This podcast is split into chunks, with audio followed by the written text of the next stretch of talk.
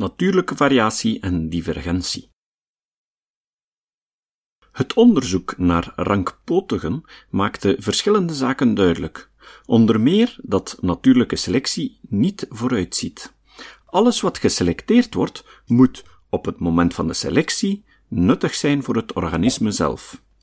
Hierdoor besefte Darwin de betwistbaarheid van zijn teleologische speculaties in de aantekenboekjes en gedeeltelijk nog in de essays. Als het mechanisme van natuurlijke selectie op die manier in elkaar steekt, werkt het niet voor of omwille van het goed van de soort. Een algemeen doel kon er niet langer aan worden toegeschreven. Toch aanvaarde hij deze consequentie niet onmiddellijk. Verder verzekerde het onderzoek hem dat in de natuur voortdurend en massaal variatie optreedt, wat zijn populatiedenken verstevigde en hem bevestigde dat ook in de natuur aan de voornaamste voorwaarden voor natuurlijke selectie is voldaan. In een brief aan Hooker van 13 juni 1850 drukt hij zijn ontdekking van het bestaan van natuurlijke variatie als volgt uit. Ik ben getroffen door de lichte veranderlijkheid van elk deel bij elke soort. Wanneer hetzelfde orgaan bij vele dieren nauwgezet vergeleken wordt, stel ik altijd een lichte veranderlijkheid vast en bij gevolg dat de diagnose van soorten die slechts vage verschillen vertonen altijd gevaarlijk is. Systematische arbeid zou gemakkelijk zijn, ware het niet voor de verwarde variatie, die nogthans aangenaam is voor de speculatieve beschouwer in me, maar ergerlijk is voor mij als systematicus. In zijn Essay of 1844 zocht hij nog naar externe factoren als oorzaak van variatie. Nu begreep hij dat die een natuurlijk, altijd weer optredend gevolg is van reproductie. In de brief aan Hoeker heeft hij het over verwarde variatie. Maar gaandeweg zal hij het immense belang ervan door natuurlijke selectie en bij gevolg voor zijn evolutietheorie beseffen. Door die inzichten belandde hij bij de divergentieproblematiek. Zijn rankpotigen toonden aan dat er niet alleen variatie is tussen de individuele organismen onderling, maar ook dat er een grote diversiteit aan soorten bestaat binnen dezelfde groep. De vraag was waarom? In Essay of 1844 had hij voornamelijk naar geografische isolatie verwezen ter verklaring van speciatie of soortvorming. Hij realiseerde zich ondertussen dat dit niet volstond. Zijn oplossing, het divergentieprincipe, wierp ook nieuw licht op de wijze van natuurlijke selectie. Bovendien nam hij aan dat selectie vooral werkzaam is bij veranderende omgevingsomstandigheden. Door de rangpotigen besefte hij dat ook ecologische factoren, in het bijzonder de concurrentie om bestaansmiddelen, tot een diversiteitstoename kunnen leiden.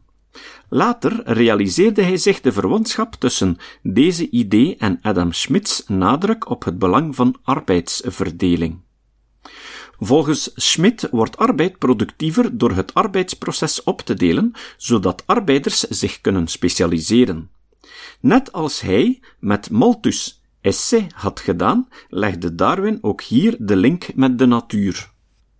Hij zag in dat een gegeven stuk land meer leven zou onderhouden indien de bewoners gespecialiseerd waren om de beschikbare grondstoffen op verschillende manieren te exploiteren. Bowler, 1996, pagina 104. Het moet benadrukt worden dat Darwin die idee eerst op biologisch-theoretische en empirische grondslagen ontwikkelde. Het verband met Schmitz Arbeidsverdeling kwam pas later bij hem op. In zijn studie Darwin's Principle of Divergence as Internal Dialogue in Cohn en dergelijke 1985 komt David Cohn tot de conclusie dat het divergentieprincipe een zeer persoonlijk idee van Darwin is. Hiermee gaat hij in tegen auteurs die beweren dat Darwin ander wetenschappelijk werk slechts synthetiseerde, of die menen dat hij uitsluitend de socio-economische waarden van zijn tijd op de natuur projecteerde. Die discussies zijn analoog aan het geredetwist over zijn verwerking van Malthus' essay. In dezelfde studie legde Kohn de structuur van het divergentieprincipe als volgt uit. Ten eerste is er de reeds vermelde ecologische arbeidsverdeling. Een ecosysteem kan een groter aantal organismen dragen als die gespecialiseerd zijn. Specialisatie biedt bij gevolg een adaptief voordeel, waardoor natuurlijke selectie gespecialiseerde organismen bevoordeelt. Ten tweede ontstaan nieuwe variëteiten sympatrisch, wat wil zeggen dat ouders en nakomelingen op dezelfde plaats leven. Variëteiten, die zich volgens Darwin tot afzonderlijke soorten kunnen ontwikkelen, ontstaan bij gevolg door selectie van specialisatie die in staat zijn om kruising tussen organismen van de moedersoort en van de variëteit te voorkomen. Over sympatrische speciatie heerst tot op heden discussie. Wellicht een meerderheid van de moderne biologen ziet een vorm van geografische isolatie meestal als een voorwaarde om te verhinderen dat seksueel reproducerende populaties onderling kruisen. Zonder die isolatie is volgens deze critici van sympatrische evolutie onderlinge kruising van twee min of meer verschillende populaties in regel onvermijdelijk. Daardoor verdwijnen de adaptieve eigenschappen, de specialisaties, weer en treedt er geen vertakking op. Zie Meyer E. St. Speciation in Meyer 1976, pagina's 144 tot 175.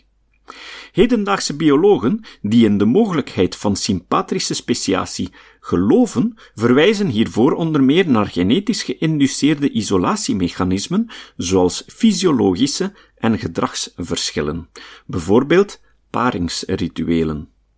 Mijn bespreking in hoofdstuk 3 van seksuele selectie en het meningsverschil daarover tussen Darwin en Wallace sluit bij dit probleem aan.